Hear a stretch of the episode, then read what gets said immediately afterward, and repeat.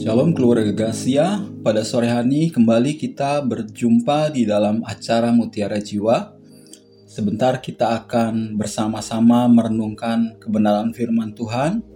Tetapi sebelum kita merenungkan kebenaran firman Tuhan, mari kita bersama-sama bersatu hati di dalam doa untuk memohon pimpinan dan pertolongan Tuhan. Bapa, pada sore hari ini kami datang kepada Engkau. Kami mau menyiapkan hati kami dan pikiran kami untuk menyambut dan menerima kebenaran firman-Mu. Biarlah firman Tuhan yang kami dengar pada sore hari ini itu boleh memberkati tiap-tiap kami. Terima kasih Tuhan Yesus, terpujilah namamu. Hanya di dalam nama Tuhan kami Yesus Kristus, kami mengucap syukur, kami berdoa. Amin. Puji Tuhan, keluarga Gracia, pada sore hari ini saya akan bawakan satu tema yaitu kasih setia Tuhan sampai kepada masa tua. Jadi kasih setia Tuhan itu berlaku sepanjang zaman, mulai dari kanak-kanak dewasa sampai dengan kepada masa tua dan teristimewa di masa tua. Itu satu masa yang mungkin istimewa, sangat istimewa dan membutuhkan kasih setia Tuhan yang begitu besar dan Tuhan sudah sediakan itu ya bagi tiap-tiap kita pada masa tua. Nah, pada sore hari ini saya mau membagikan satu kebenaran firman Tuhan yang saya ambil dari pengkhotbah yang ditulis oleh Raja Salomo, pengkhotbah pasalnya yang ke-12, ayatnya yang pertama. Dikatakan demikian, Ingatlah akan penciptamu pada masa mudamu, sebelum tiba hari-hari yang malang dan mendekat tahun-tahun yang kau katakan, tak ada kesenangan bagiku di dalamnya.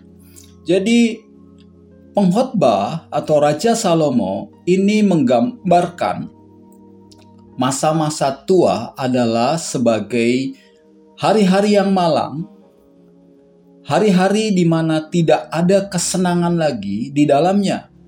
Secara jasmani, mengapa? Karena pada masa tua keku kekuatan sudah mulai berkurang, fisik banyak yang berkurang, penglihatan berkurang, pendengaran berkurang, bahkan daya ingat pun berkurang. Orang mulai mengalami kepikunan pada masa tua. Jadi, menurut gambaran dari pengkhotbah, masa tua adalah masa yang tidak ada lagi kesenangan bagiku di dalamnya. Karena kesenangan anak-anak muda atau orang-orang muda adalah sesuatu yang membuat jiwa mereka bergembira. Tetapi pengkhotbah pun mengingatkan bahwa ingatlah akan penciptamu pada masa mudamu. Artinya sebelum menjadi tua, sebelum mengalami masa tua, kenalah Tuhan sejak dari muda. Nah, ini satu hal yang penting karena kasih setia Tuhan pada waktu kita mengenal Tuhan itu akan dirasakan sampai kepada masa tua. Pengkhotbah bahkan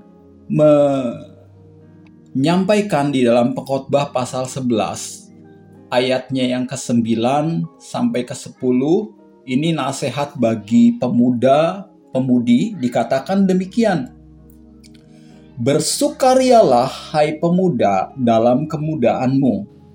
Biarlah hatimu bersuka pada masa mudamu, dan turutilah keinginan hatimu dan pandangan matamu, tetapi ketahuilah bahwa karena segala hal ini, Allah akan membawa engkau ke pengadilan.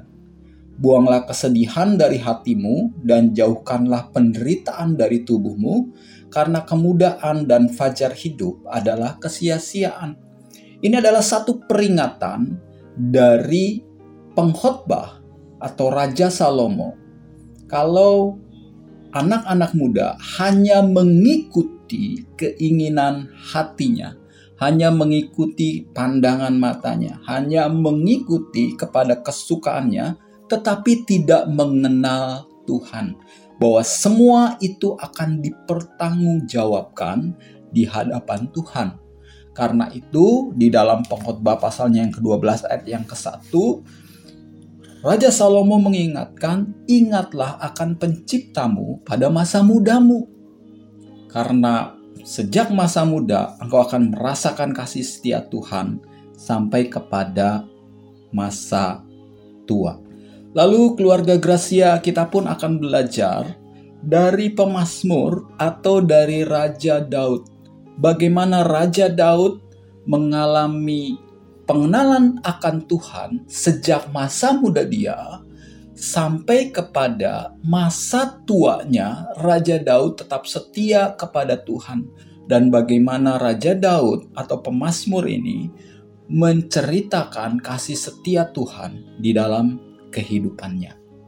Di dalam Mazmur pasalnya yang ke-92 ayatnya yang ke-12 sampai dengan ayatnya yang ke-15 dikatakan demikian.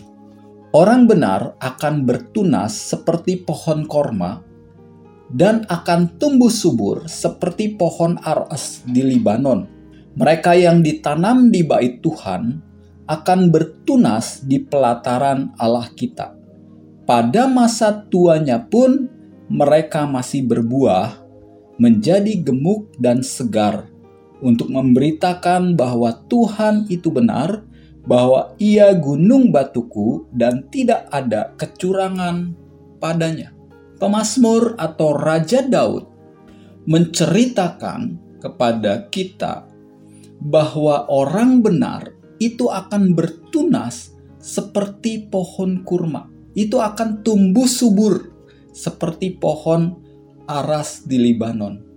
Pemasmur atau Raja Daud sudah mengenal Tuhan sejak masa muda.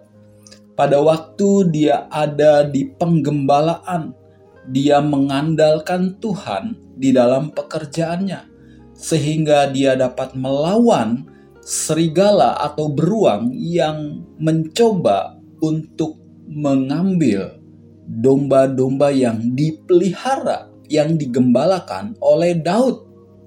Bahkan pada waktu Daud bertemu dengan Samuel, pada waktu itu Daud masih sangat muda, tetapi Tuhan berkenan kepada hidup Daud. Jadi Daud sudah mengenal Tuhan sejak masa muda. Karena itu sangat penting kita mengenal Tuhan, bertumbuh di dalam Tuhan sejak masa muda.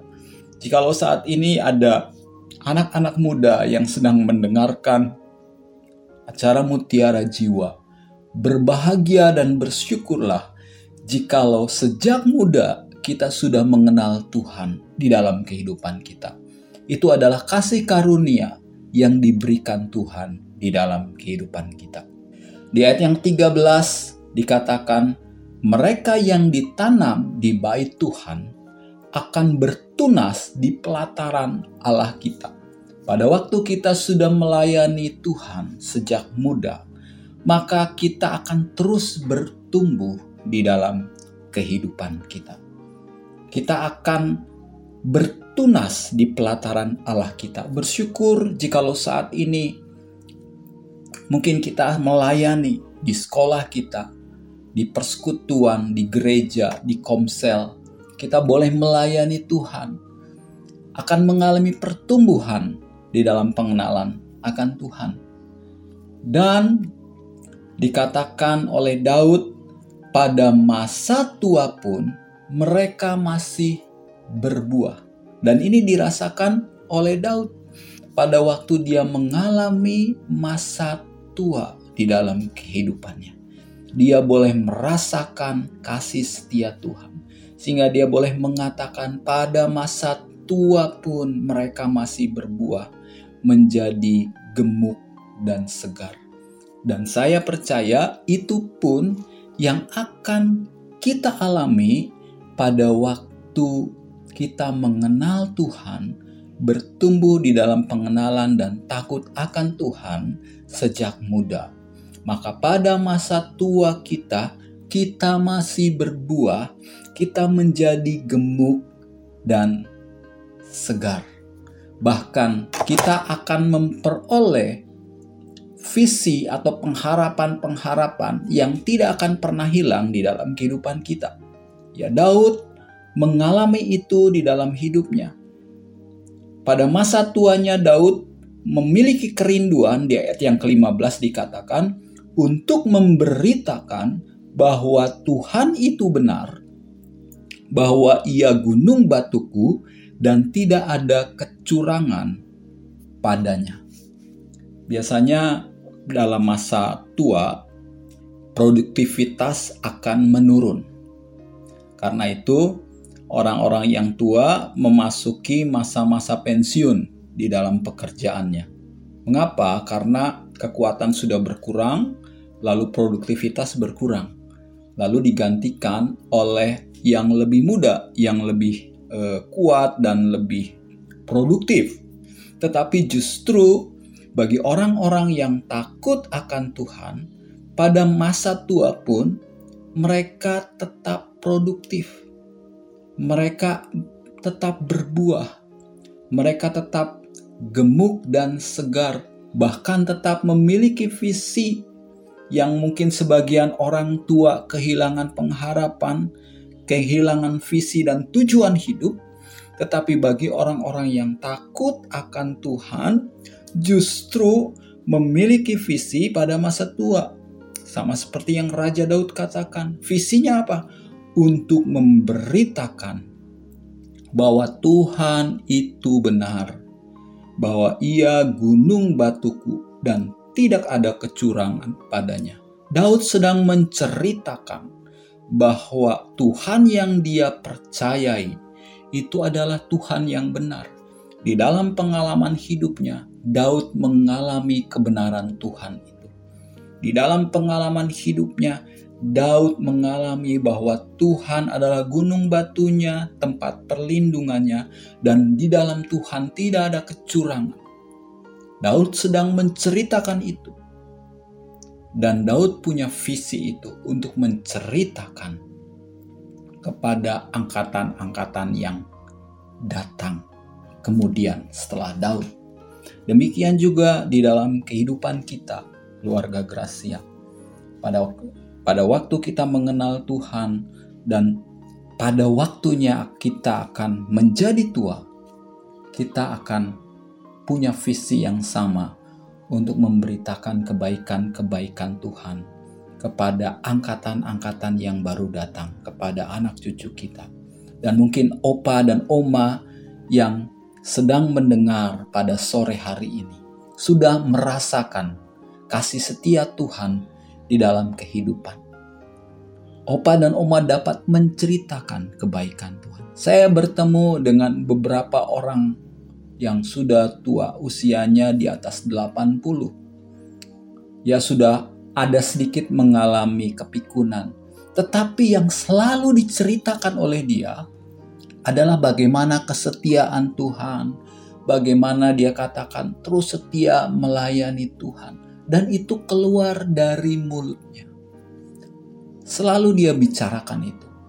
Mengapa itu bisa terjadi? Karena memang sejak muda dia sudah merasakan kasih setia Tuhan.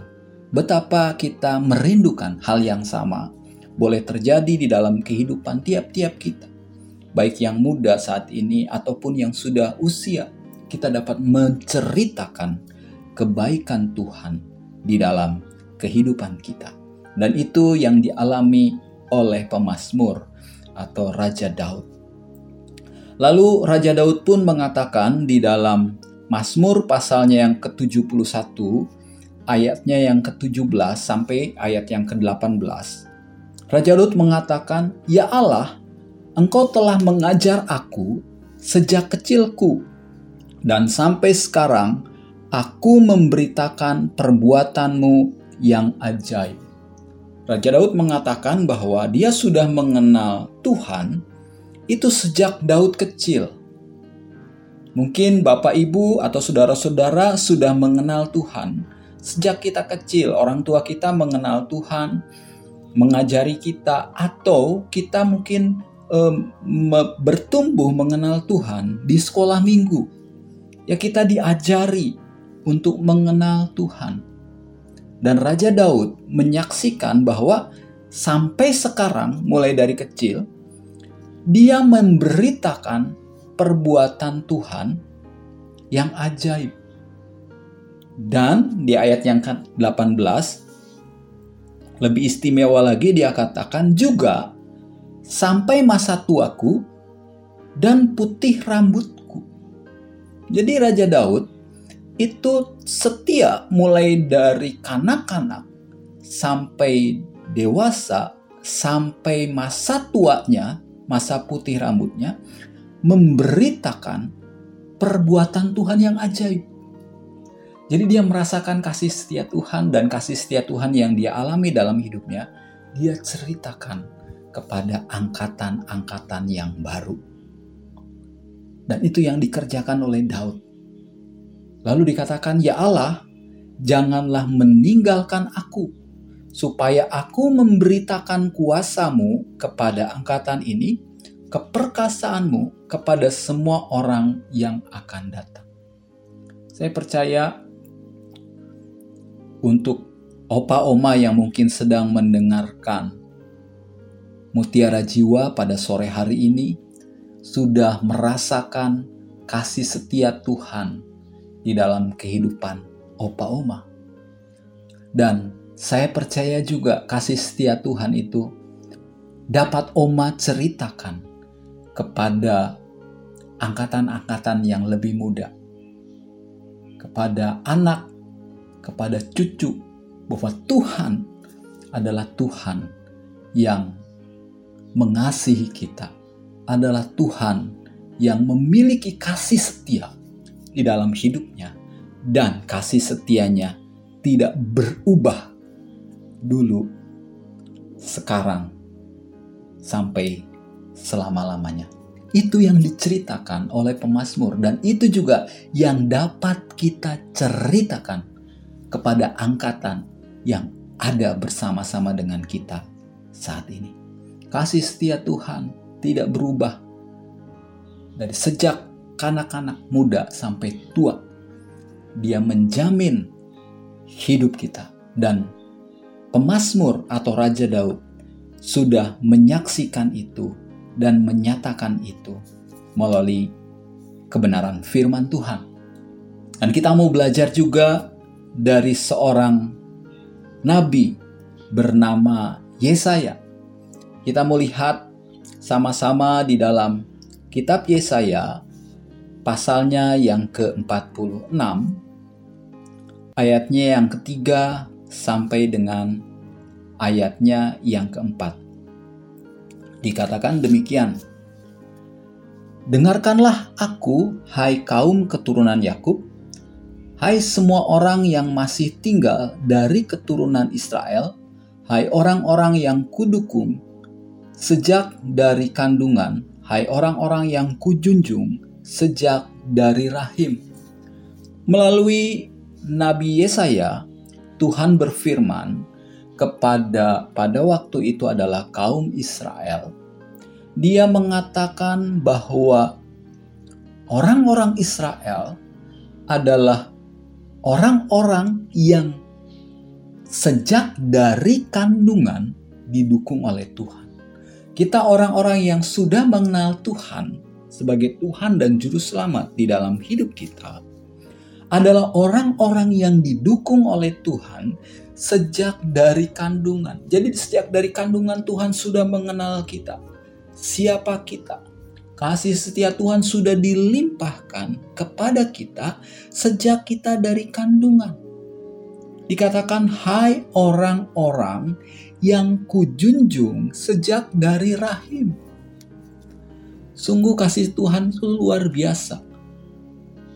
Sejak dari kandungan, sejak dari rahim, sebelum kita lahir ke dunia ini, kasih setianya sudah ada di dalam kehidupan kita. Dan kasih setia Tuhan itu terus berjalan bersama dengan fase-fase kehidupan yang kita lewati. Saya teringat dengan satu perumpamaan tentang footprint, di mana ada seorang anak Tuhan berjalan bersama dengan Tuhan, digambarkan dalam perumpamaan itu berjalan di pinggir pantai, dan yang terlihat adalah jejak kakinya.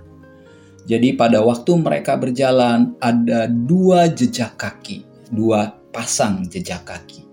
Tetapi di dalam fase tertentu, satu pasang jejak kaki hilang, tinggal ada satu pasang jejak kaki yang terus berjalan. Dan pada fase berikutnya, maka jejak kaki itu mulai terlihat kembali ada dua pasang jejak kaki. Lalu si anak Tuhan ini mulai mereview perjalanan hidupnya dan dia lihat pada waktu jejak kaki yang satu pasang itu hilang, ternyata di waktu di mana si anak Tuhan ini mengalami kesukaran-kesukaran di dalam hidupnya. Lalu bertanyalah anak Tuhan ini kepada Tuhan. Dia katakan, "Tuhan, mengapa Engkau meninggalkan aku pada waktu aku mengalami kesukaran di dalam hidup?" Lalu Tuhan menjawab, "Anakku, jejak kaki yang kau lihat itu bukan jejak kakimu. Pada waktu engkau mengalami kesukaran, jejak kaki yang kau lihat itu adalah jejak kakiku." Lalu si, si anak Tuhan ini bertanya, "Lalu aku di mana Tuhan?" "Aku sedang menggendong kamu." Dan pada waktu kesukaran itu sudah lewat, maka anak Tuhan itu kembali berjalan bersama dengan Tuhan. Jadi kasih setia Tuhan itu akan dirasakan oleh tiap-tiap kita di dalam fase kehidupan kita. Pada waktu kita mengalami kesukaran-kesukaran di dalam kehidupan kita, kita mengalami kasih setia Tuhan. Dan kasih setia Tuhan itulah yang pada akhirnya dapat kita ceritakan kepada anak-anak kita, kepada angkatan-angkatan yang baru bahwa Tuhan itu setia, bahwa Tuhan itu dapat melepaskan kita dari setiap kesulitan-kesulitan, bahwa Tuhan memberikan kekuatan kepada kita di dalam setiap kesukaran-kesukaran, bahwa selalu ada jalan keluar. Seperti yang dikatakan oleh Rasul Paulus, pencobaan-pencobaan yang kamu alami adalah pencobaan-pencobaan biasa yang tidak melebihi kekuatan manusia sebab Tuhan setia. Karena itu ia akan memberikan kepadamu jalan keluar sehingga kamu dapat menanggungnya. Jadi kasih setia Tuhan yang dikatakan Yesaya bahwa sejak dari kandungan, sejak dari rahim, kasih setia Tuhan sudah ada di dalam kehidupan kita. Di ayat yang keempat dikatakan sampai masa tuamu aku tetap dia dan sampai masa putih rambutmu aku menggendong kamu. Aku telah melakukannya dan mau menanggung kamu terus. Aku mau memikul kamu dan menyelamatkan kamu. Ini satu janji Tuhan. Dikatakan bahwa sampai masa tua kita, sampai masa putih rambut kita, dia menggendong kita. Dia menuntun kita. Bahkan dikatakan dia mau melakukannya terus kalau manusia mungkin ada bosannya. Manusia mungkin bisa menolong sekarang, belum tentu terus-menerus, tetapi Tuhan, Dia mau melakukannya. Mau menanggung kamu terus. Kasih setianya tidak pernah berubah. Dia dikatakan, aku mau memikul kamu dan menyelamatkan kamu. Kasih setia Tuhan berlaku sampai kepada masa tua sepanjang zaman. Karena itu, mari keluarga Gracia, jikalau kita saat ini masih muda, kenal Tuhan, bertumbuh di dalam Tuhan. Kita boleh merasakan pengalaman-pengalaman rohani bersama dengan Dia. Dan pada masa tua, kita tidak kehilangan pengharapan, bahkan kita memiliki visi untuk memberitakan kebaikan-kebaikan Tuhan di dalam kehidupan kita kepada angkatan-angkatan yang baru. Juga untuk oma-opa saat ini yang mendengarkan. Terus bertumbuh di dalam Tuhan. Ada kekuatan, ada pengharapan. Dan opa-oma dapat menceritakan kasih setia Tuhan kepada orang-orang yang ada di sekitar opa-oma. Tuhan Yesus memberkati. Mari keluarga Gracia, sebelum kita menutup acara Mutiara Jiwa ini, kita akan bersatu hati di dalam doa. Tuhan kami mengucap syukur untuk sore hari ini, untuk kasih setia Tuhan yang sudah Tuhan berikan di dalam kehidupan kami. Terima kasih untuk kebenaran firman-Mu. Kami boleh mendengar bahwa kasih setiamu tidak berubah mulai dari sejak kami dalam kandungan sampai dengan masa tua. Kasih setiamu tetap Tuhan. Terima kasih dan ajar kami untuk senantiasa belajar menceritakan kasih setiamu kepada orang-orang lain sehingga mereka pun boleh merasakan hal yang sama seperti yang kami rasakan. Terima kasih Bapa, terpujilah namamu. Di dalam nama Tuhan kami Yesus Kristus, kami mengucap syukur, kami berdoa. Amin.